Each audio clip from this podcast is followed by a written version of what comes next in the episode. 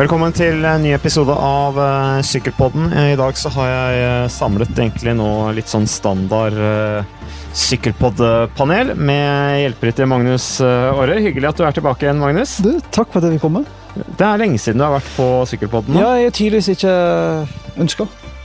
Satt du trengte en pause. Altså, du hadde denne kontroversielle uttalelsen om at du likte korte sokker, og da måtte vi ha en pause. Sånn var det bare, men nå er du tilbake i varmen, og det er vi veldig glad for. Eh, Johan Han ser veldig bra ut. Han ser blank ut i pelsen. Da er jeg klar til ny innsats.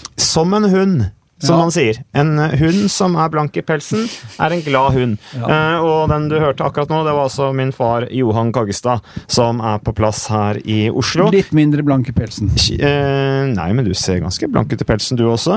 Kjørt da fra 17 kuldegrader til hit vi sitter med stillongs i studio i, eh, i Oslo. Mens rytterne svetter som bare det i 40 varmerader, Tour Down Under, syd i Australia, rundt Adelaide, som vi snakket om i forrige podkast, fatter, da oppe på Kaggestad gård den gang.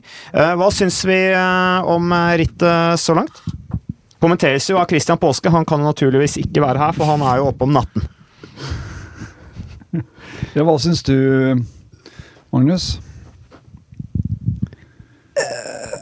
Jeg syns den norske klarer seg fint.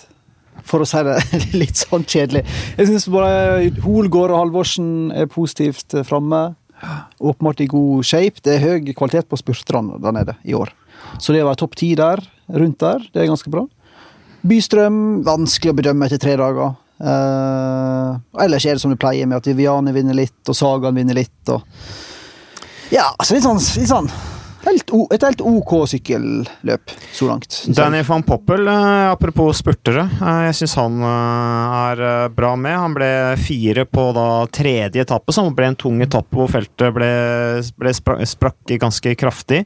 Denne etappen som da Peter Sagan vant foran Luis Leon Sanchez, og nå er det altså eh, sånn sett så Daryl Impey som ble nummer tre, da med Patrick Bevin som nå leder i sammendraget med ett sekund. Bevin som jo også var i brudd på første etappe, tok, innlagt, uh, tok en innlagt spurt der, fikk noen sekunder. Og Bevin har jo også uttalt det at han går for sammendraget i år, så det skal bli spennende å se hva han får til der i dette CCC-laget. Men uh, Jeg tenker, ja, Ja, jeg tenker det er bra at disse norske gutta viser fram litt. da. Både Holgård og Halvorsen er jo på utgående kontrakt og litt sånn uh, usikker framtid der. Så gull at de er i brukbar form, i alle fall, og får et par tidlige resultat å vise til. da. Det, Men så er jeg litt djevelens advokat, da, så lurer jeg på hva er en tiendeplass for en spurter? Det, er, det viser at du er sånn noenlunde med i spurten. Men det er jo ingen som skal signere kontrakter som signerer kontrakt med en som er sånn solid mellom nummer fem og ti. Nei, men så tenker jeg at Holgaard og Halvorsen å, å, å gå fra det det har vært tidligere til å vinne, er jo litt voldsomt steg. Så jeg må på en måte begynne en plass. Å etablere seg blant de ti beste er Ja da, vi, vi, vi, jeg kjøper den, altså. Jeg bare stilte et det, det, er jo, det er jo noe. Altså, en, eh, en sportsdirektør i Francais de Sjø, for eksempel, han registrerer jo at man er der oppe, og at det er lite som skal til før man er enda lenger oppe. Eh, og det kan jo være at man ser på, eh, ser på Holgård at eh, ja, han er der oppe kanskje hvis vi f.eks. gir han litt mer støtte, at han kanskje kommer enda lenger opp. At potensialet er der. Jeg tror det er det viktigste nå for Daniel Holgård, for å ta han først. At han i hvert fall viser at han er med i avslutningene. Eh, om han blir nummer ti eller sju, ok, gjerne, vi skulle gjerne hatt han uh, høyere oppe, men, uh, men potensialet viser han i hvert fall at han har. Nå er jo vi anta at han er under noe større press enn det Kristoffer Halvorsen er. Ja, la oss konkludere med at vi er fornøyd med innsatsen deres. Og jeg syns vi er fornøyd med Carl Fredrik Hagen. Han gjør opplagt en bra jobb med å sitte foran og dra, og kom seg med i bruddet i går òg. Så det er spennende å se han på denne Belunga Hill-etappen. Da får han helt sikkert kjøre egne sjanser. Ja, og så har du Corkscrew-etappen, som er etappe fire. Vi er nå på 17. januar, så vi har altså vært igjennom da tredje etappe. Eh, Men Corkscrew, etappe fire, eh, blir en hard etappe, det også. Har du kjørt corkscrew? Nei, den er ganske ny. Eh, i, i Tour Down Under, men en uh, tøff uh, etappe. Den tredje etappe ble trukket fram som en tøff etappe. Fjerde etappe er definitivt tøff. Og så har du da Vilonga som en avslutning som Men- blir spennende. Vi glemte jo, nesten, glemte jo nesten Hagen når vi Altså Halvorsen, Bystrøm Ja, du glemte Hagen, glemte han, så ta sjølkritikk. Ja, ja, jeg tar sterk kritikk. Men han har jo vært kanskje den beste, eller mest imponerende på den måten at det er første rittet på det nivået. Ja. Vanvittig påkjenning i form av varme, drar feltet hver dag, og i tillegg da i den tetgruppa på tøffe tøff etappe tre. Så det er godkjent pluss pluss Ja. for eh, meget solide Carl Fredrik Hagen. Ja, og jeg tenker for Hagen da, nå, ikke sant, nå har han eh, gjort en jobb for uh, Juen og Lotto Sodal-laget eh, på de to første etappene. Sikkert brukt en del mer krefter enn det han kanskje ideelt sett eh, burde gjort, med tanke på å gjort det best mulig f.eks. på den tredje etappen, etappen til Corkscrew som er i morgen osv. Men jeg tror nok at han får allikevel frihet til å kjøre sin egen sjanse. Jeg tror eh, Lotto Sodal-laget vil se hva som bor i han, eh, og hvor godt han på en måte takler totalbelastningen. For, for de, så, så, så sånn som det i dag, at han ble nummer, eller på den tredje etappen, at han ble nummer 26, hang med, hang med inn i et relativt redusert felt, i tillegg til på toppen av det hele at han da er lojal og jobber for laget. Det er sånn som de, de legger merke til. Så, så jeg tror Carl Fredrik han, han, har, han, han har på en måte alt å vinne ved å bare gi alt, hele veien, uansett hvilken rolle han har.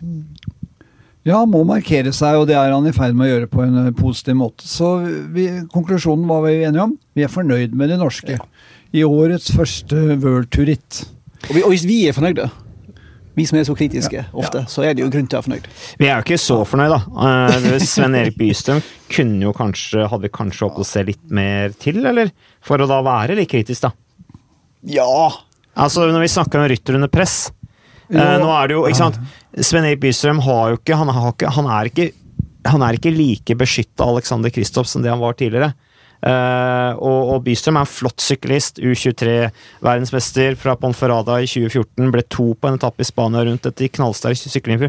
Jeg, jeg unner og, og, og jeg unner Sven Erik Bystrøm alt godt, men vi håper jo at han kanskje Kanskje på den etappen i den tredje etappen, da, hvor Carl Fredrik Hagen hang med inn og ble nummer 26, at også kanskje Sven Erik Bystrøm hang med inn der. Ja, Hadde vi ikke kanskje forventa det? Og så er det jo ingen hemmelighet heller at han har jo endra litt på treninga si uh, før denne sesongen. Litt andre folk å jobbe sammen med. Skal bli bedre i bakka, er målet. Eh, så det er tidlige dager, da. Men klart at han har press på seg og må steppe up, er det jo ingen tvil om. Jeg, jeg kjøper den helt, for det er jo hvis um, Alexander skal skifte lag, og det, sannsynligheten for det er jo ganske stor for neste år. Når Gaviria er så langt ser ut til å være sprintkongen i UAE, så er det ikke sikkert at Alexander stiller med de samme forhandlingskortene neste år. Og det er så lett å ta med seg Fredrik Bystrøm videre sammen med seg selv. Så, så Svein Erik må nok markere seg på en litt annen måte i år enn han har gjort de siste årene, resultatmessig. Han har jo opplevd gjort en god jobb for laget. Så, men dette, nå er vi i januar, altså. Eh, Vi sitter her med stillongs 17 kuldegrader jeg dro hjemmefra. Det er, eh, det er lenge igjen til sesongens 17 høydepunkt. Er det så kaldt i Vikersund? Ja, det er det. Å, fytti. Ja, det er, eh, Det er beinhardt oppe på landet. Det er noe Det er annet. enn Her det er for dere caffè latte-drikkende Oslo-boere, Magnus. Men eh, det om uh, Tour Down Under Patrick Bevin, altså, som vant uh, andre etappe. Bra. Uh, det er litt morsomt med det. Han sykler jo CCC. Tidligere BMC. Patrick Bevin som startet karrieren sin i litt mindre amerikanske lag, Bissell Vanty Racing fra 2010 til 2015. Og så var han, kom han over da til Cannondale, var der i to år, før han da kjørte i BMC i fjor, og blitt da en del av denne fusjonen da, mellom dette polske pro-kontinentallaget og World Tour-laget BMC, som jo i utgangspunktet skulle på en måte være litt nye BMC, men som har blitt et helt nytt lag, slik jeg har oppfatta det. Eh, mm, det er ganske åpent lag òg. Det er ikke det hierarkiet som det kanskje var i BMC. Jeg føler at det har åpna opp litt for andre ryttere. De har ikke noe sånn voldsomt mange kapteiner i, eh, i, eh, B, i det nye CCC-laget. Altså Hvis du ser bort fra Greg van Almat, så har de ikke de har liksom ikke, Det er ikke så satt. Jeg syns BMC var et sånt lag hvor rytterne var litt sånn på en måte undertrykt i sine roller. De satt der og var på en måte De skulle bare være hjelperyttere. Nå i CCC tror jeg det kan åpne opp mer. Eh, og Okovic, eh, den amerikanske manageren i CCC, har jo også sagt det at ja, I år skal vi vinne 20 sykkelløp, som ikke er overambisiøst. Eh, men jeg tenker at sånn som Bevin, som nå plutselig blomstrer da, i dette nye laget, er ikke det litt spennende? Jo, han er jo en spennende rytter. Han har jo utviklet seg gradvis. Uh, kjørte han ikke en veldig bra tempo i Tour of California i fjor? To. Han ble nummer to på To, ja, ja, ikke sant? Han har jo kapasitet. Og 80 i tempo VM Ja. i Innsbruck. Og det er jo den type ryttere som ofte kan lykkes i Tour de landet, for vi snakker om Belunga Hill, men det er ikke Alp Duez. Det er jo en forholdsvis altså, grei jeg, jeg bakke. jogga opp Willanga Hill en gang. Jeg, på, var nede og så på Tour Under i 2010. Ja. Det var ikke masse Det var jo ikke Grefsenkollen engang. Nei, er det store skiva? Ja, om det store skiva, ja. Ja, det du har jo sykla, og du har jogga. Ja. Jogga du på store skiva? Jeg jogga på store skiva. Nei, så det er en Ja, og så er det dette med vind nå, ikke sant. Altså, hvis, det er, hvis det er motvind opp ved Lunga Hill, eh, så sykler de såpass fort opp der at da er det vanskelig å, å, å få luker for disse klatrerne som man snakker om, da. Eh, og det er jo ofte derfor også resultatet blir sånn som det blir, f.eks. Uh, i fjor med da sørafrikanske Daryl Impey, som kanskje litt overraskende vant. Eh, Men det hadde jo da med at han klarte å bite seg fast, pga. at det er ikke så hardt. Nei, og da Hvis vindforholdene i tillegg er gunstige, Ja. så henger de med. Men det, det var, og kongen av Turlanander de er jo Simon Gerrans, som har vunnet der fire ganger. Han var heller ikke av verdens beste klatrere, altså. Nei. Så vi, det blir spennende å se. Men eh, det avgjøres altså sjette etappe, da. Uh, da er det Vilonga Hill. Da veit vi hvem som, eller vet hvem som er vinneren av Tour Down Under 2019. Hvis ikke det er noe mer dere vil si om det, det karer, så bytter vi rett og slett uh, tema. Er dere enige om det? Ja, det det eneste jeg lurte på. om, Vet du om um, om Lotto Sodal skal kjøre Kedel Evans eh, Great Ocean Race? Det skal jeg. Da skal vel kanskje Carl Fredrik også kjøre det, da? Mm. Det skal- Han står på eh, startlista, ja. Ja. Sammen med Caleb Ewan, Thomas Maskinski, Adam Blythe, Adam Hansen, Thomas de Gent og Remi Metch. Så eh, da Det blir langt uh, sydenopphold, for Ja, å si det sånn. bra på med kilometer i beina. Vi varmer fine Han blir jo stekt. Han blir stekt, men eh, jeg tror det er bra at han blir der en stund. Ja, ja, ja. Og få vært der og liksom fått litt ro og denne tidsforskjellen og varme. Han kommer til å være kanonform når han kommer hjem, kommer hjem igjen, Carl Fredrik Hagen. Men jeg tenkte vi eh, Magnus, vi har jo, eh, vi har jo hatt eh, Bokspeilet. Ja. Ja. Men du har ikke noen bokanmeldelse å komme med i dag? har Du Du er Nei. i gang med en eller annen Miguel Indurain-biografi? Jeg er i gang med Indurain-biografi, som uh, så langt virker veldig lovende. Faktisk endelig ei god sykkelbok. ja er du som, du som skriver den? Hæ? Det er du som skriver den? Du som er forfatter? Eller har du funnet den Jeg, jeg, på jeg fant den, Du fant den, ja. uh, gutten Under kategorien sære sykkelbøker så har du funnet denne ja, biografien av skriver Miguel masse liksom om den der, den der uh, familien, uh, veldig sånn tvilsomme familien bak uh, Movistar-laget. ja. Ja. Reynolds gamle-laget. Veldig masse sånn eh, sykkelhistorie og litt sånn personkarakteristikker som er overraskende. Så den eh, virker veldig fin, selv om det er selvfølgelig en vanskelig oppgave å skrive en bok om en fyr som eh, ikke har noen særtrekk. Han sier jo ikke noe. Nei, nei, nei. Altså, Miguel Undrain var det stedet på, Vi var jo på Ja. offentliggjøringen av løypa, Tour de France-løypa for i Mhm. år, i Paris, og da var han jo der. ja, Husker du hva han sa da han kom på scenen? Oi! Ja. Hyggelig å være her, sa han. Det var det han hadde å bidra med. Han Så- er en mann av få ord, men du verden har fort han sykla særlig tempo. Ja. Miguel Indurain. Ja, sykla fort opp fjellene med den tunge kroppen. Men det var ganske interessant. På den tiden Miguel Indurain syklet så usedvanlig fort både på tempo og opp fjellene, Mm. så dominerte Spania eh, langdistanseløpning i, ver i verden. Det er De vant stort sett eh, det som var av eh, maratonløp i internasjonale konkurranser. De hadde samme legen. De spanske langdistanseløperne og Miguel Indurain. Er det noen med en liten konspirasjonsteori? Er det noen sammenheng der? det er er en konspirasjonsteori engang. Altså, Reynolds var det første laget som ansatte en lege på Hva jeg sa Første som ansatte en lege på fulltid som fulgte enkeltryttere, tror jeg. Så det er Reynolds er altså da det det starta Ja. med, som nå er Movistar. Ja, det som har det, gått, det er et dynasti, det. Ja, et lag som har eksistert siden 73 og profesjonelt siden 1980. Men quiz hvem, i, hvem kanskje framtredende norsk personlighet har Miguel Indurain som sin favorittsyklist?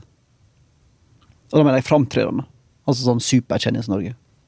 Som ikke har noe med sport å gjøre. I, ikke noe med sport å gjøre? Nei. Altså, Migo Lindren er stor fan av en norsk Nei, omvendt. Nei, nei. Ok. Ok, en norsk Forbildet til nordmann, da, for å Ja, si det enkelt. Mm. Nei, det klarer jeg ikke å gjette, Magnus. Erna Solberg. Å ja. Vi, eh, vi, det var jo spennende at Erna Solberg er stor fan av Miguel Indra. Ja, det er morsomt, altså.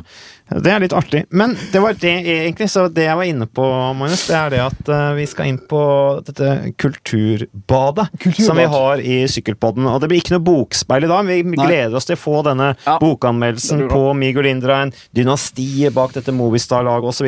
Mm. Og så kjører vi i stedet en eh, For å få litt kultur inn i Sykkelpodden, så kjører vi rett og slett en musikkanmeldelse. Og da tenker jeg at vi kan høre på denne her. First ever Pro Cycling Rap 2019. New season is coming soon. This is Astana Pro Team. No somos solo un equipo, sino una gran familia. I'm Vino. Behind me it's Martino.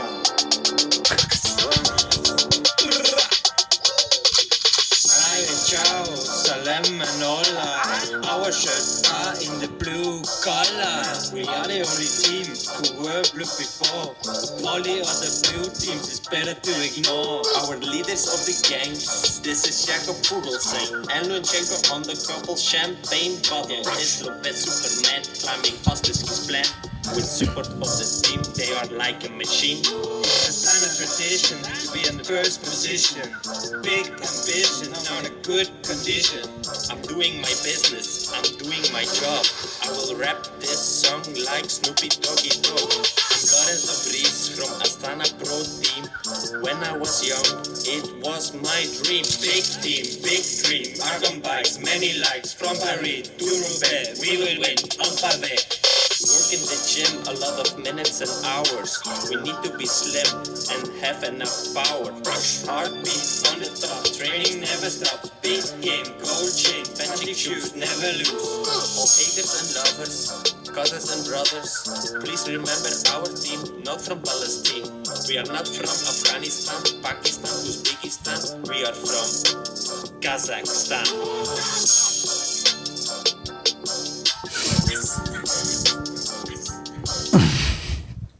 Ja, hva syns vi om eh, Det var altså Astana rap-låten er offisielt ute. Den topper visstnok hitlistene i eh, Kasjokstan. Eh, ligger på Ligger an til gullplate. Er det eneste sangen vi har, den? eller? Ja, den er i hvert fall en, en hit. Men Dommen er jo klar.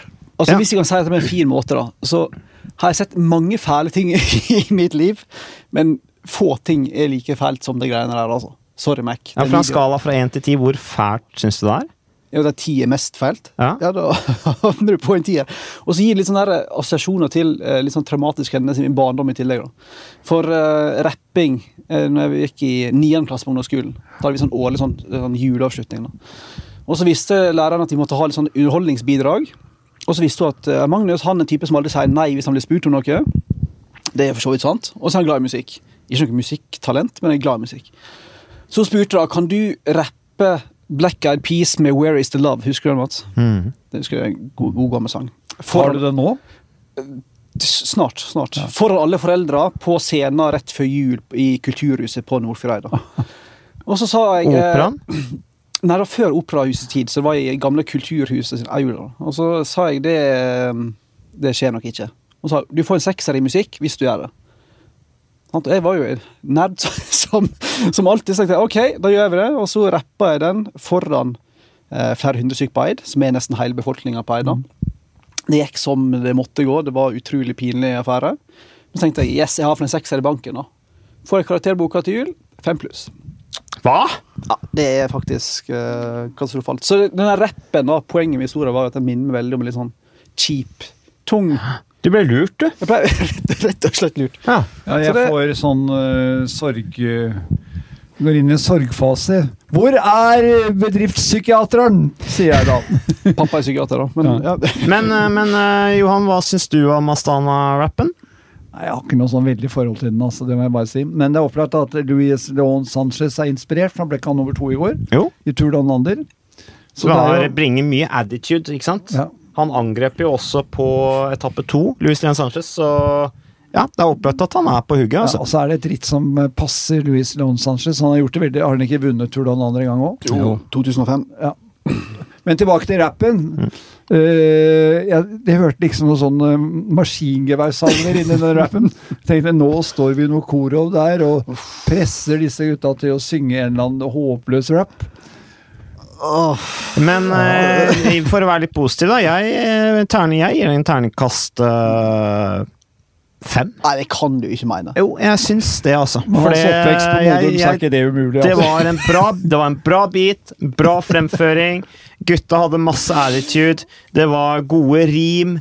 Uh, we, we need to be slim, but, uh, but uh, have enough power. We are not from Uzbekistan, Pakistan, but Kasjokstan. Fantastisk ordspill. Eh, så en klar terningkast fem fra meg, og jeg er veldig glad, jeg er veldig glad i rap også. Snoop Doggy Dogg ble nevnt. der. Jo, det er jeg. Dr. Dre Ja, og på, NBA og nå, nå ler Magnus her, nå er det jo ikke TV, dette der radio. Men eh, Magnus ler, og du skal huske på Mats sin oppvekst. Han var veldig keen på å sykle da han var liten. Men vi som eh, foreldre som var opptatt av allsidighet, vi sendte han til kulturskolen. Og han fikk Og jeg ble gitar, tvunget til å spille gitar. gitar, og så veldig Trond. Davidsen, en fantastisk gitarlærer. så etter, etter noen måneder så så han på Mats sånn Jeg tror du skal slutte sånn. Jeg tror du skal ofre deg helt for denne sykkelen. Du har ingen fremtid som uh, klassisk gitarist. Og vet du hva jeg svarte Trond Davidsen da? Det stemmer, sa jeg. Men takk, det var veldig hyggelig. Trond David, som er for øvrig en fantastisk eh, fin fyr og bra, bra lærer. Men da har vi altså hatt vårt kulturelle innslag i uh, Sykkelpodden. Hva har vi å se frem til nå, da, folkens? Vi har jo snakket om at uh, Tour Down er vi ennå ikke, når vi spiller inn denne podkasten, over. Men eh, det kommer World Cup fra Pont Chateau eh, på søndag. Jeg Nei, på jeg mener Hogereide på søndag. Eh, Det blir jo spennende. Du har eh, VM i Bogensa 2. februar, det ser vi fram til. Det er World Cup i Cambridge i, i helgen, eh, og så kommer jo De La Tropicala Misa Bongo, og, og Cadel Owens, og, og Cadel Evans Oceans Race ble nevnt her. Det er mye å se Det er. World Tour Race. Oi. Nei, også ja, er det det? Ja. Ja, det er det, stemmer det. Og så er det Welta av San Juan, som også blir eh, spennende å, å følge. Men en annen ting som er litt mer større i nyhetene nå, nå er det noen dager siden dette kom, men Sky og Comcast Group sier de vil altså sikre 70% av driftsbudsjettet til dette sykkellaget. eh, Verdens Da må du fortelle hva Comcast Group er, da. Det er de som altså har kjøpt da Sky. eh, eh, Aksjemajoriteten i Sky. Aksjemajoriteten, ja. Eh, og de eh, har et stort amerikansk mediekonsern. Stemmer. Stort. eh, Og det er jo altså de som på en måte Det er, de, Det er huge! det er huge, og det er jo de man regner med at på en måte har tatt beslutningen at vi skal, vi skal ikke sponse dette sykkellaget mer, da. Uh, og det syns vi er uh, dårlig gjort av disse amerikanerne å komme med det nå, men nå har de tatt ansvar, da. Og så har sikret driftsbudsjettet til laget da ut 2021. Ja, vi må jo legge med en sånn hake med at det er vel ikke offisielt, dette her. Det Var ikke Gazetta som skrev ut her, da? Nei, jeg hørte også fra seriøse kilder. Ok, så det er 100 Ja. Ok, da trekker vi tilbake Manageren til nordmannen som kjører på laget, blant annet. Oi, Hm. Og vi har jo i våre kretser en mann som er sportsdirektør i laget. Ja. Nede i kuldehullet nede på Hole. Ja, Der var det også 17 kuldegrader i dag. Da jeg kjørte forbi Gabriel Rasks eh, bolig i dag, så var det 17 kalde grader. Det er sånn han er blitt herda, vet du. Men uh, vi, det, det har jo skjedd før, lignende løsninger på sykkellag. Rabobank betalte da Team det ble jo da Team Blanco, altså de fortsatte å betale, eh, men sa at vi vil helst ikke bli eksponert på trøya. Det sier jo litt da, om omdømmet det sykkellaget hadde akkurat den tiden der. Du hadde Team Mobile, eh, den tyske mobilleverandøren. De gjorde det samme, sponset også, eller fortsatte å betale uten å bli eksponert i sykkellaget, dette som da senere ble, ble Colombia, eh, med bl.a. Edvard Boasson Hagen. Men eh, vi syns jo for så vidt at det er positivt. Ja da. Det er ikke noe mer å si Ja. om den saken. Egentlig? Nei, for oss er det for- meg spiller det liten rolle så lenge laget eksisterer fremover. Så får de finansiere det på den måten de finner best egnet, men for laget er det jo selvfølgelig en sikkerhet at de har en finansiering i tre år, når Sky nå trekker seg ut så, som hovedsponsor. Så det må jo være en sikkerhet for rytteren, og det gjør jo at er du trygg og god, så får du mer ro rundt treninga og presterer også bedre. Gjorde Visma en, norske Visma en tabbe? Eh, gikk de inn i dette nederlandske laget litt for tidlig? Kunne de nå fått på en måte eksponeringen på Team Sky til på en måte 30 Da tror jeg måtte økt eh, bidraget sitt betydelig, i alle fall. Eh, Jeg tror, um, Jeg tror nok cash har gjort det veldig riktig. Eh, og de har veldig fokus på, på den delen av Europa når det gjelder å ekspandere markedsmessig. Og de vet de er smarte. Det er jo ikke bare, eh, det ikke bare sykkellag eh, Jumbo her, det er også et skøytelag. Bl.a. med en mann som heter Sven Kramer på laget.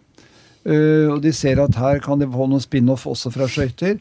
Men jeg tror eksponeringen i media i den delen av Europa, EU-Europa, blir vesentlig tryggere for Visma med tanke på utvikling av forretningskonseptet sitt.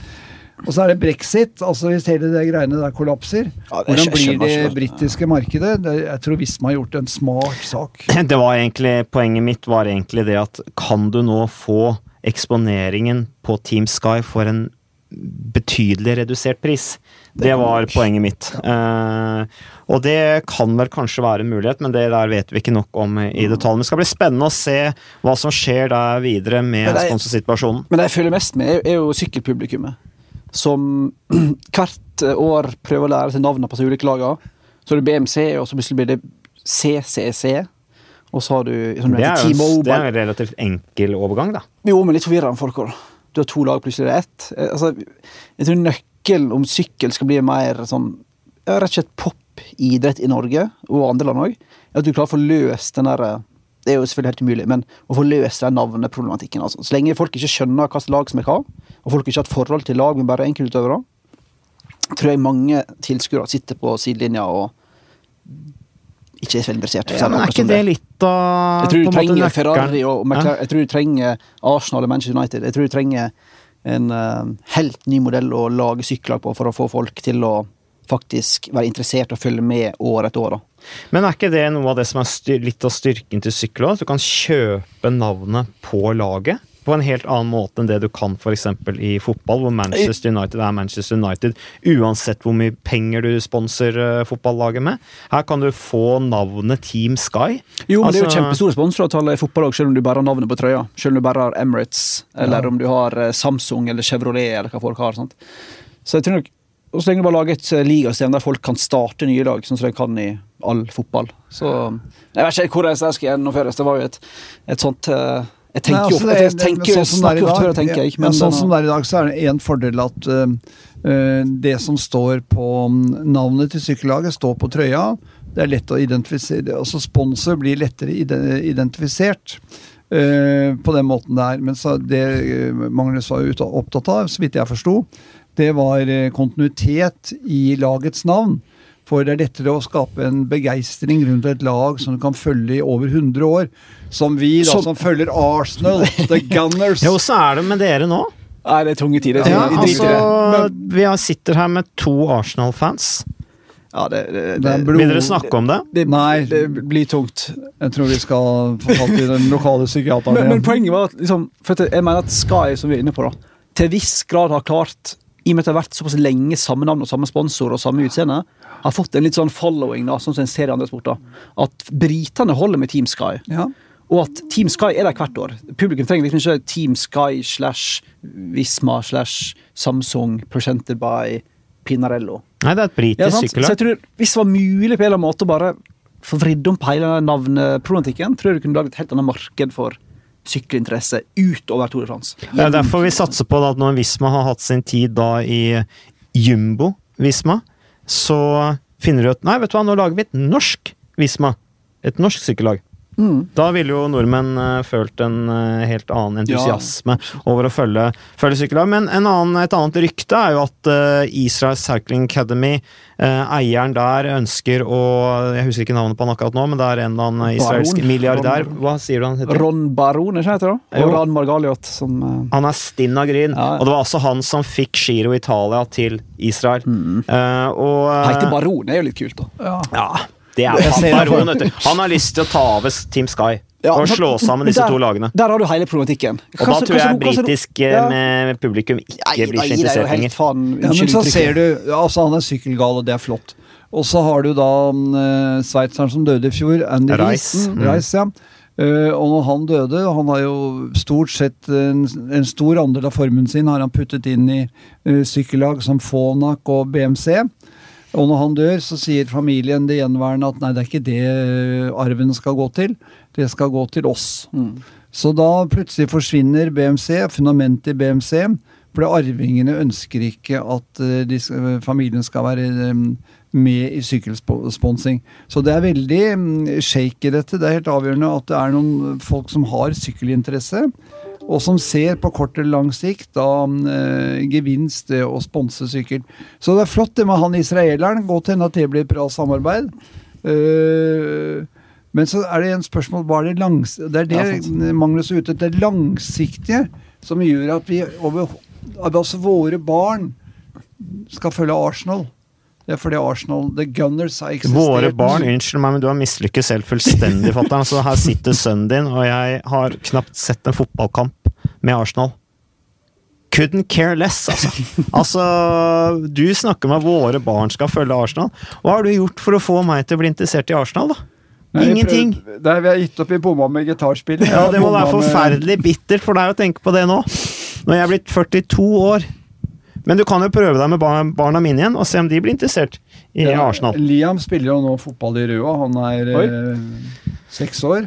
Ja, så vi får jo se. Men eh, vi, får la oss, vi får snakke om litt aktuelle ting. Det var en eh, bra gjennomgang av dette med sykkelsponsing og sånne ting. Men som han er et sånn Baron evig... ble vi ferdig med. Han er han Nei. faktisk interessert i å fusjonere med Sky? Ja, ryktene sier det.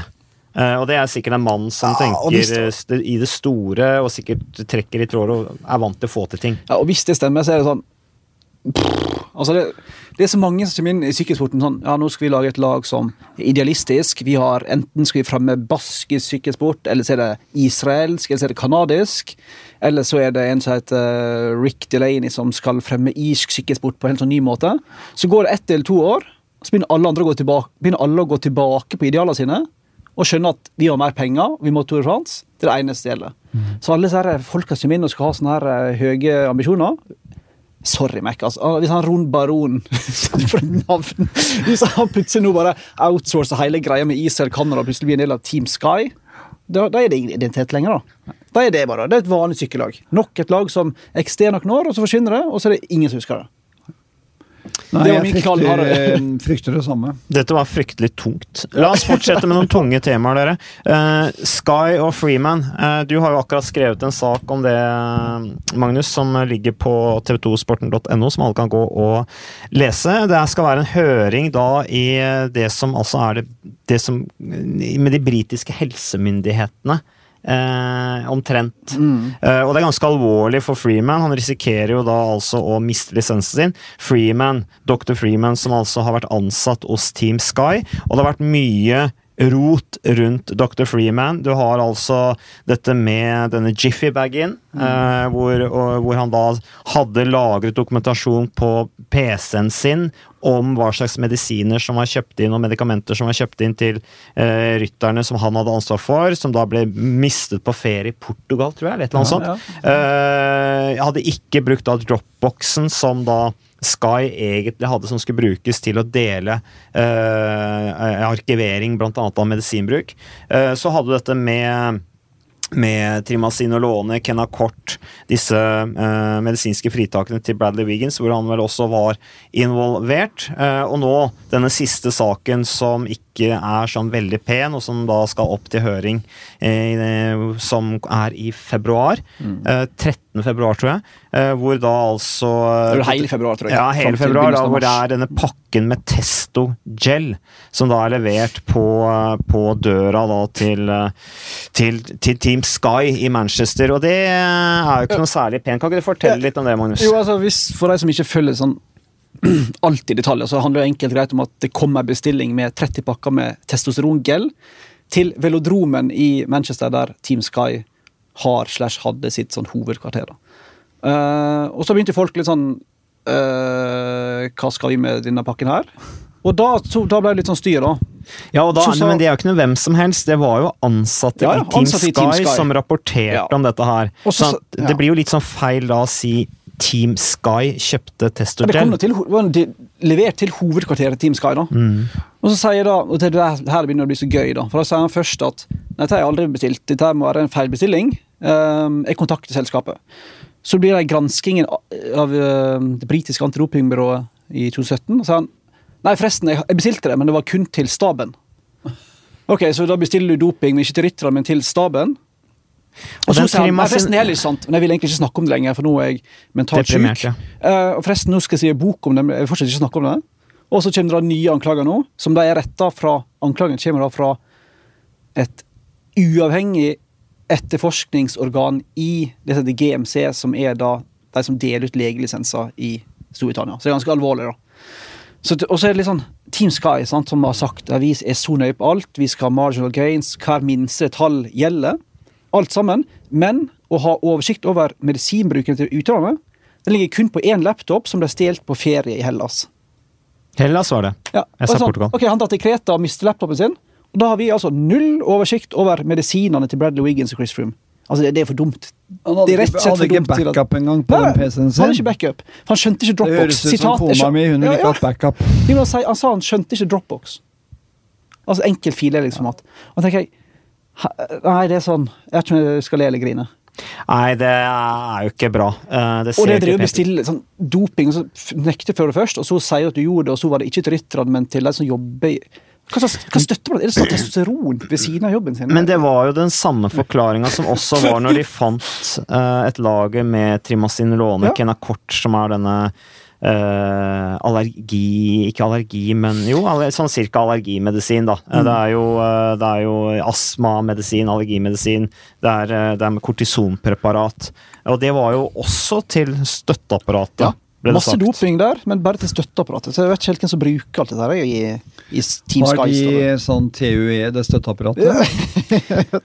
Nei, de trenger jo ikke det, da, heldigvis. Nei, Men, men eh, det var det jo andre som hadde, og det, det, den, den historien der har man jo snakka mye om. Disse TUE-ene til altså medisinske fritak til Bradley Wiggins, blant Mm. annet, da, som jo har vært eh, mye diskutert. Men, men, men, på, men hvor ille er dette her? Altså kan, er, det, er det sånn at vi da kan si at ja, Team Sky får et dårlig omdømme? Det er jo synd for de, dette her. Eller et dårligere. Ja, dårligere omdømme, da. Mm. Men det kan jo, altså som jeg nevnte nå i denne diskusjonen her, det var, det var Sky-ansatte som fant ut at det var bestilt testosteron, Mm. eh, som rapporterte om det og reagerte på det.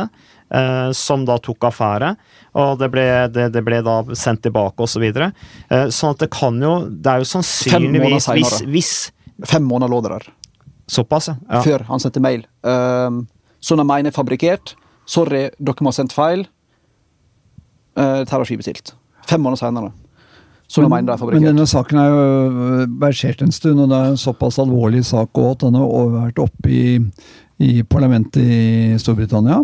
Og det, det har jo virkelig skåret um, mye negativt for omdømmet til Team Sky. Nå har de heldigvis for Team Sky andre ting å drive med i parlamentet i Storbritannia for tiden. Men, men uh, det er ille når um, et av flaggskipene i britisk idrett, altså Storbritannia er en stor idrettsnasjon, uh, havner i parlamentet fordi man mistenker at de har uh, drevet med juks og fanteri. Altså, konsekvensen kan være noe da, av den, høringen i februar kan være at han mister legelisensen. Det er ikke usannsynlig. Det er jo stort sett bare et problem for han sjøl. Men så er det jo også det da, når Sky da skal fortsette på den jakta på en ny sponsor, så er det jo helt døden da, at du har en fyr som eh, fullt mulig, kan vi si, da, blir eh, dømt i den der eh, uavhengige doms legedomstolen for å ha bestilt testosteron for å dope utøvere. Det er ganske eh, drepende. altså. Nei, så det er ikke bra, men uh, igjen, altså For å, for, for liksom bare se andre vinkling på dette her, da. Eh, Freeman uh, har opplagt et forklaringsproblem.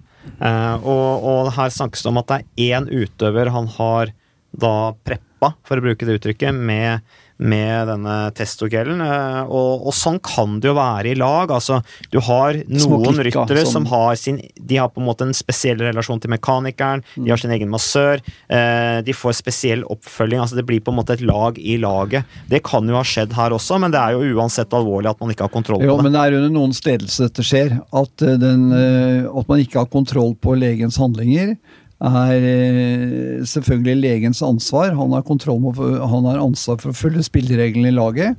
Men eh, det må jo være kontrollsystem. Hvis man er så nitid i utvikling, med fokus på utvikling av Skyhigh, så er det jo noen som må følge opp legen på at vedkommende følger de standardene som ligger på kvalitetssikring i Sky, og det har opplagt ikke vært gjort.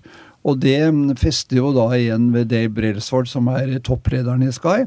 At de, og som Magnus sa, de, de gjør jo ikke da godt nok i praksis det de selv har utbasunert at de vil stå for. Altså et 100 eh, eh, udiskutabelt rent lag. Når det begynner å bli diskusjoner om tolkninger av slike ting, og det åpenbart er vanskelig å forklare eh, hvordan dette har skjedd, da, da vil jo folk i gata, uansett hvor kloke de er, eh, de vil jo begynne å lure på hva som skjer i Team Sky. Nei, det ser jo ikke bra ut, og vi må huske også utgangspunktet til Team Sky med denne nulltoleransen. De sparket også folk i støtteapparatet som innrømmet at de tidligere hadde dopet seg. Men hvis jeg doper seg nå, da, støtteapparatet, er, det lov? Ja. Så det er åpenbart. Ja, åpenbart det, det, det blir jo litt sånn feil, da. Det må jo være et jævla bra støtteapparat. Det ser jo litt dumt ut. Det ser jo litt dumt ut. der tror jeg bra. Men altså, Bobby Julik blant annet røyk røyker jo pga. det. Eh, Det var eh, flere også som Steven de Jong. Steven de Jong, blant annet, som er nå eh, sportsdirektør i Trekk, Segafredo, eh, mistet jo jobben i Team Sky da. Vi lurer jo på Sean Yates også, om det var, eh, om det var, det var grunnen til at han forsvant. Ja, der var det jo litt sånn blandede meldinger om hvorfor Sean Yates forlot laget. Men eh, man kan jo selvfølgelig stille det spørsmålet. Eh, litt annet. Vincenzo Nibali er eh, muligens på flyttefot. eh, linkes til både hit og dit. Eh, jeg trodde jo han hadde så godt forhold til han eh, prinsen i Bahrain at han ville bli der forever og sikkert få godt betalt også, men det snakkes nå om at han skal til Trekk Segafredo i 2020. Segafredo, denne kaffeprodusenten som jo er italiensk sponsor, sier har uttalt at de ønsker Nibali på en toårskontrakt, og Richie Port ønsker Nibali velkommen. Nå har Brent Copeland, da, som er manager i eh, Bahrain Merida, sagt at uh, prins Nasser, uh, som uh, vi kunne sikkert hatt et eget program om. Vil ha han med videre. Og Nibali satser på Tokyo da i eh, 2021, og er jo også linket da som 2020. alle Ja, ja 2020, mener jeg. Og Nibali er jo som alle andre ryttere som har litt resultater, linket også til. UAE. Ja, UA er jo sykkelsportens svar på Manchester City slash Chelsea. Ja. Som kjøper topptungt og driter litt i, i, i mellomleddet der. Som har mange spisser, mange kapteiner, og få midtbanespillere. Ja. Sorry. og eh, land som har en frynsete etisk Ja. historie. Så Ja, det er jo både Bahrain og UAE. ja, ja, de er jo håpløse begge deler. Eh, interessant uh, med Nibali, syns jeg, og skifter der. Hvis han går til trekksegg av fredag, så er jo eh, jeg er ganske positiv til trekksegg av fredag. for er, eh, de har jo også, nå satset på kvinnelag. Med flere av verdens beste kvinnelige syklister. Det er positivt. Frem med jentene, har jeg alltid sagt fra jeg ble født. Men skal han sykle på damelaget? eller? Nei, Det skal ikke. Men det er jo moro med lag som støtter helhet, og det gjør jo også Mitchelson Scott, det store australske laget. Blant annet, og Sandweb gjør det også. Ja, altså, Trek Segafredo har et veldig bra eh, kvinnelag også. Vant jo første etappe av Women's Santos Tour nå med Pater Noster, blant annet. Så Ja, ja, ja. de er voldsomt på, på hugget. Altså, hører han, han hører jo hjemme der. Jeg skjønner det, da. Avslutt karrieren sin i et italiensk lag med en italiensk sponsor, Ja. med en italiensk manager. Guercilena, som han har et nært forhold til. Ja. Med en del italienske ryttere. Bedre det enn det der Bahrain greiene som eh, jeg tror alle her i rommet ikke har så veldig masse til overs for. Men det er det er en ting jeg kunne tenke meg vi snakket om. Har du mer på agendaen din? Nei, vi kjører uh, freestyle For- her, altså, hvis du ja. har noe du vil ta. for det er disse lagene øh, øh, Du har UAE og Bahrain Merida, øh, Midtøsten, og så har du nede i Afrika, syd i Afrika, Dimension Data. Laget til Rasmus Fossum Stiller og Edvald Boasen Hagen. De har jo også virkelig fyrt på med en del øh, klasseryttere, altså. Uh, blir et spennende lag. Uh, og så tenker jeg, med den vil jeg kalle meget dårlig sesongen Edvald hadde i fjor. Hvilken rolle skal han ha i dette laget? Godt spørsmål, uh, fatter'n. Hva syns du med det, Magnus? Lese opp de gutta som er kommet Du inn høres der. litt Da. kritisk eh, ut uh, nå. Men Det har vært ledende spørsmål til Magnus med kritisk undertone. Ja, men jeg, jeg, jeg, satt og så på en Er det elleve nye, de elleve nye ryttere, har de ikke det? det Før sånn. årets sesong? Ja, Les opp de, den gjengen. Det er ikke noe hvem som helst. Lars. Bakk er ny. Eh, du har uh, Enrico Gasparotto er jo ny. Kom på pallen i uh, Amstel Gold Han har Race. vunnet Amstel Gold Race Og før også. vunnet det. Roman Kreuziger, som også var på pallen i Amstel Gold Race i, i fjor, er ny. Uh, Og så har du Giancomo Nisolo, som er ny. Han er ikke noe småtteri italienske. Nisolo, meget god spurter. Og så har du uh, altså da Valgren, dansken, som eh, jo kanskje er den største signeringen til, eh, til Dimension Data av de, data av de store navnene. Altså, husker vi også Ben King, som de jo hadde i eh, Som de jo allerede som kommer altså fra eh, eksisterende staben, eller stallen, til Dimension Data. Vant jo to etapper i fjor. Han er ikke ny. I Spania rundt Ja, I. Spania rundt i fjor så vant Ben King altså to etapper, reddet jo laget der. Men de har jo de, nå, skal, nå skal de ha World Tour-poeng.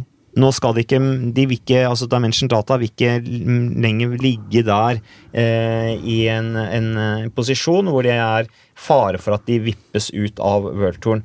Og da, er det, da prioriterer de heller eh, etablerte, eh, resultatsterke eh, europeiske ryttere, og så er det ut med mange av disse her unge, håpefulle afrikanerne Ja, som men de det, er litt dumt, for det, og det handler litt om det vi snakket om i stad. Laget risikerer å miste identiteten sin når du kvitter med, med Ravi Kudus og hva heter det, Natten Elber. Altså, mange ryttere som en hadde sett fram til skulle liksom løfte afrikansk sykkel opp, har blitt ganske gode, så jeg solgt videre. Og så har du en igjen i, i Dimensjonata som heter Louis Mainties, som ikke har gjort noe siden 2015. Jo, jo, jo. Med, Ja, 16 da. Ja, 17. Ikke i fjor, i hvert fall. Nei, i fjor var han dårlig, men i 17 helt, så eh, var han på en topp 10 i Tour de France, altså. Men uansett, poenget mitt var at du, du kvitter med en del av de som skulle danne grunnlaget for laget i det afrikanske. Hente inn en del gamle slitere Ja.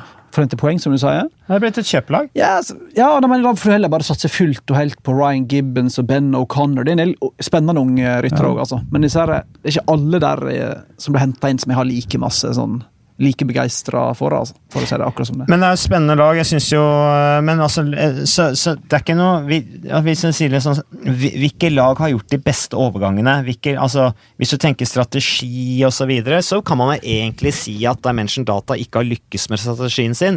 Når de nå på en måte henter inn De, de, bytter ut nesten halve laget før neste sesong. Det tyder på at de ikke har gjort at det ikke har gått sånn som de hadde håpet. Ja, filosofien deres var bl.a. å promere afrikansk sykkelsport og heve det opp til et toppnivå. Vi skal også huske på at Internasjonalt Sykkelbund har sitt utviklingssenter i Sveits, men de har også filialer i Sør-Afrika. Hvor disse rytterne, mange av de kommer fra. Så man så konturen av en pyramide, utviklingspyramide som endte opp da på profflaget til Dimension Data for de aller beste. À la Kudus, som jeg sy- syns er en kjempespennende rytter. Og nå ble han altså ofret øh, for en Roman Kreutziger som har en litt rufsete fortid. Fremdeles er en stor rytter. Han har jo, kjørt jo kjempebra i VM i Innsbruck i år også. Øh, så de får på kort sikt ryttere som kan skape store resultater. Og så viser det at resultatene Det er jo noe som heter Det er ikke bare å nå gode resultater, men det er måten du gjør det på som er avgjørende. Og da lurer jeg på om dette med måten du gjør det på, kommer i litt konflikt med den opprinnelige filosofien til Dimension Data. Når vi tenker på MTM, eh, Quebeca osv. Så, videre. så jeg er helt enig med Magnus. Dette er eh, tvilsom policy på lang sikt når det gjelder å utvikle unge, gode ryttere fra det afrikanske ja, kontinentet. Det har fortsatt åtte-ni sørafrikanere på laget. Men litt av konseptet, sånn som jeg forsto det, i hvert fall, da, var på en måte å få fram folk både fra eh, Etiopia, Eritrea, Rwanda og så er det akkurat som mørke syklister da, som kunne hevde seg i Europa. Det er det nesten ingen igjen av. eh, Du har et par gode, han Dlamini og han Gebreig Sabier, men det er vel de eneste to som, uh, som er igjen der. Så, men klart, hvis du skal det har sikkert krav til seg, de òg, som alle andre lag. De vil holde seg i OL-touren, de vil være garantert invitasjon til Tour de France, Giro, Vuelta. Da må du være topp Ja, hva var regelen? Topp Du må, du må være 15. World Tour-lag for å få kjø- garantert kjøre. Og de holder jo den. Men jeg er helt enig med deg, dette er litt betenkelig. Og så glemmer man at det er en gryende sykkelinteresse i Afrika. Eh, nå har ikke jeg noe sånn eh, veldig generell eh, bakgrunn å uttale meg på der, men jeg hadde en, kjørte drosje med en hyggelig drosjesjåfør fra Eritrea. Oi. Og så begynte vi å snakke sykkel, for han eh, kjente Her i Norge, eller? Ja, her i Norge. Oi. Bergen, til og med. Oi. En av utpostene i Norge. så, så veldig hyggelig. Og han kjørte meg fra Flesland til TV 2-huset. Og så begynte vi å snakke om Han, han kunne jo alt om eritreisk sykkel! Altså, Sykkelsporten i Eritrea, det er jo nasjonalidrett. Mm. Det er på like linje med fotball. Så, så altså, her har man eh, i steder i Afrika et sånn gryende interessemarked som vil fostre ungdommer til å satse på sykkel. Og så ser man at oi, dette blir vanskelig, for vi skal satse på en Roman Kreuziger som snart er 50 år. Det er jo også det eldste laget i Worldtouren. I ja. 2019 Dimension Data. Så, så det er jo eh, blitt et gamlinglag, men det blir jo spennende å se da, hvordan det du ville fram til, eh, fattern, det var jo eh, Edvard Boasson Hagen midt oppi dette. Det hadde vi jo en podkast med Tor Hushovd om. Eh, Vi har snakket en del om det, og det er klart at eh, man kan se positivt på det. Kanskje blir Edvald dratt med ved at man løfter laget, og det, det skjer jo, ikke sant? Du er en del av et sterkere prestasjonsmiljø, og det gjør at han også utvikler seg. Eh, alternativt så havner han som en rein hjelperytter for f.eks. Valgren, som tross alt har fjerdeplass i Flandern rundt. Han har vunnet Amstel Gold Race, ble sju i VM, var en av topprytterne der. Kan på mange måter sammenligne ham med Peter Sagan. Ikke like god til å spurte, men en bedre klatrer. Jeg syns de er ganske like i måten å, å, å en sånn karakteristikk som sykkelryttere, på mange måter, selv om Peter Sagan er Peter Sagan, Jo. han er en konge, på, på mange måter. Men like sikkert som at det er jul hvert år, er jo at du får den samme retorikken fra samtlige sykkellag når sesongen begynner. Hvis du var alenekaptein ett år Kjempefordel. Da slipper vi på en måte å ta en debatten om hvem som er lederen. Da kjører vi bare for meg. Vi slipper å føle på det, slipper diskusjoner. Har du to ledere? Kjempefordel. Da kan vi dele på ansvaret, så ser vi det an. Bla, bla, bla. Sånn som vi vil ha det nå. sant? Vi, I fjor foran San Remo sa han det er kanon at både jeg og Gavir er her. Da kan vi bare liksom dele på det og liksom fordele ansvaret og ta det som det kommer. I år sier han nei, bedre at han ikke er her. Da slipper jeg å drive og surre med de greiene der.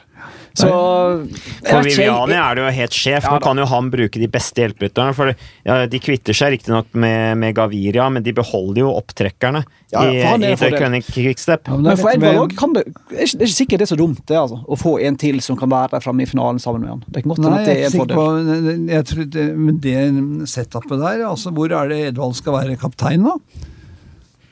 Nei, du har Nisolo, du har Cavendish i spurtene. eh, Du har alle disse gutta her eh, med, Gasparotto og Valgren og og hele pallen i fjorårets ja. Amstel Gold Race. Ja, og, Flandern er de gode òg. Ja, så sier jo Valgren at jøss, jeg skal satse på Flandern nå. Så her blir det ikke mange steder å være kaptein.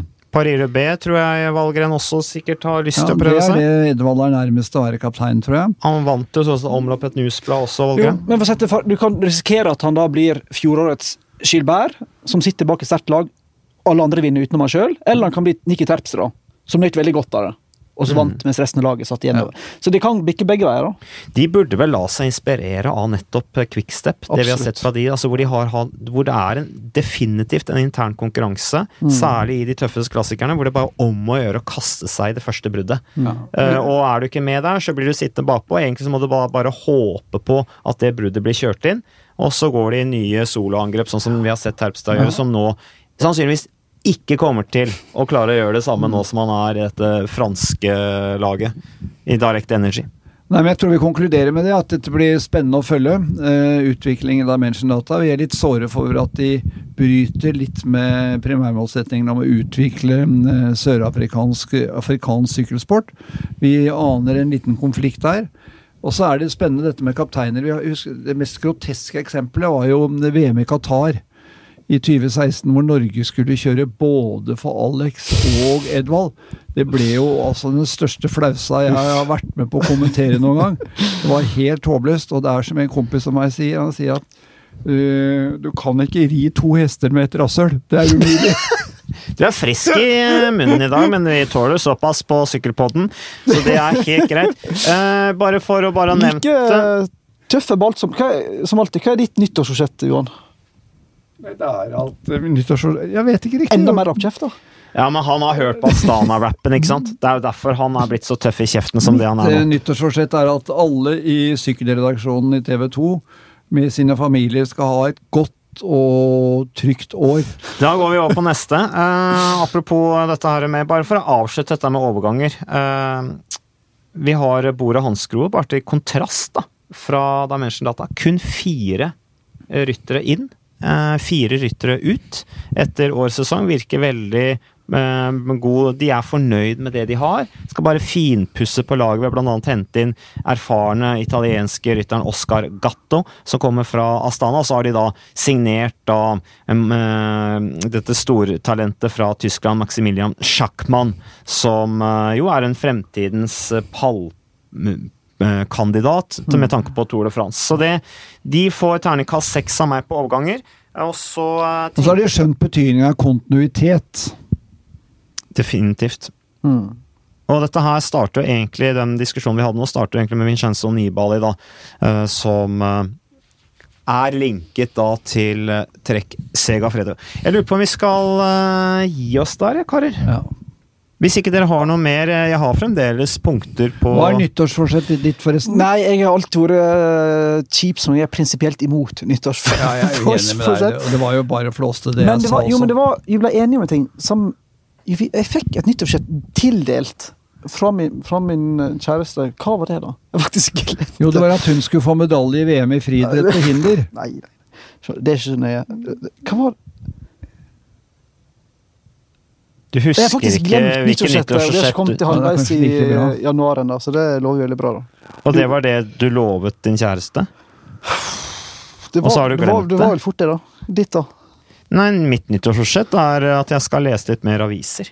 Og litt mindre sosiale medier. Går liksom mot Ja, mot alle strømmen. Ja, jeg går rett og slett motstrøms. Ja. Og, og det du håper å oppnå med sånt, det er å Det er rett og slett å lese være mer utdatert. Ja, nei, altså rett og slett uh, være litt mer Gå litt mer i dybden på saker. Ikke bare dette overfladiske sosiale mediekjøret som vi utsettes for, og som jeg syns til en viss grad sløver hjernen med uvesentligheter. Du er ikke en som leser mest blogger? Nei. Eh, Jeg har aldri vært inne på en rosa-blogg, i motsetning til deg. Nei, ikke. Oh, Uff a meg. Men jeg tror vi stanser der, eh, så da ønsker vi rytterne i Tour Down Under eh, lykke til med avslutningen på det rittet. Ja, og solfaktor, husk den. Solfaktor 50 Tour Down Under, det vet vi at de har eh, kontroll på, fordi at arrangørene de, eh, de sørger for Det er jo arrangørene som kjøper inn solfaktor i Tour de Under, faktisk eneste rittet i, på kalenderen hvor de gjør det. Og så ønsker vi alle en uh, riktig videre fin i januar. Vi er snart tilbake med mer Sykkelpodden.